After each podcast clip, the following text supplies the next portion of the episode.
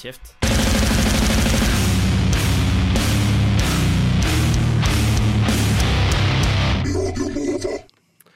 Ja, vi har jo snakket mye om kull, og vi kommer til å høre enda mer om kull fordi Amalie Sundby har sett på hvordan kull kan brukes i annet industrien.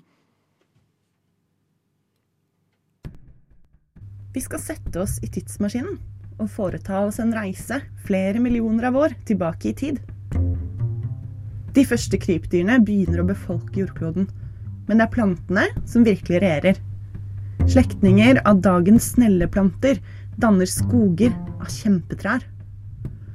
Også planter er en del av livets sirkel.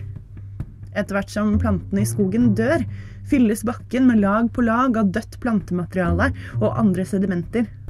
Dette gjør at plantene ikke råtner og brytes ned på vanlig måte. Trykket og temperaturen stiger, og en betydelig omdannelsesprosess settes i gang. Varmen i jorda gjør at vannet, hydrogenet og nitrogenet i dette plantematerialet fordamper.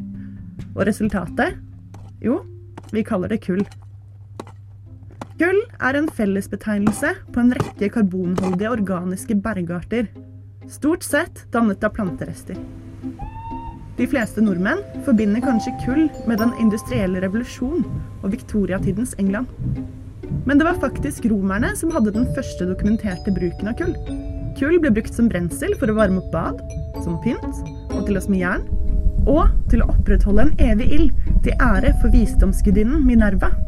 Men selv i dag er kull en svært viktig ressurs.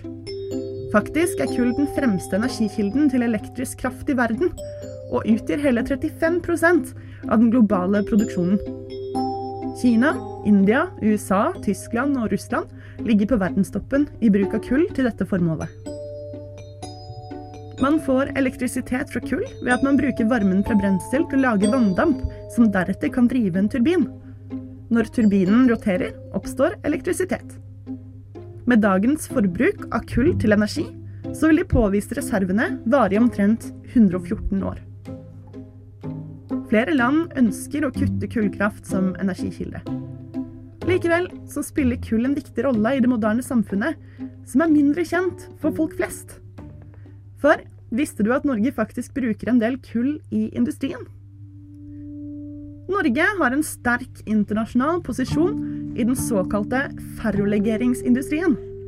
Ferromangan, ferrosilisium, ferrokrom og silikomangan produseres i Norge. Ferrolegeringer er altså jernlegeringer, som bl.a. er viktig for å oppnå ønskede egenskaper i f.eks. stål til bygningsindustrien. Grunnen til at vi bruker kull i denne industrien, er at råvarer som malm og kvarts inneholder mye oksygen, som vi er nødt til å fjerne. Ved å brenne råvarene sammen med det karbonholdige kullet, så vil det frigjorte karbonet trekke oksygenet ut av råvaren. Et av produktene vi fremstiller på denne måten, er silisium, som bl.a. er en viktig ingrediens i produksjon av solceller, som igjen brukes til å lage fornybar energi. I norsk industri bruker vi også kull som brensel for å lage klinker, en viktig bestanddel i sement. De siste tiårene har vi klart å redusere kullbruket også i disse industriene, men det gjenstår ennå mye forskning for å nå målet om nullutslipp. Et av argumentene mot å brenne kull er at kraftproduksjonen fra kull har ganske lav energieffektivitet. I gjennomsnitt for verdens kullkraftverk blir under halvparten av innfyrt energi omsatt til elektrisk energi. Men selve 60% går tapt til omgivelsene. Og siden kullet er en begrenset råvare, gjør vi kanskje lurt i å tenke litt over hva vi skal bruke det på.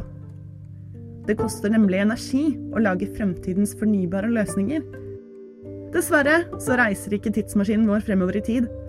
Så hva kullets framtid bringer, det vet vi ikke.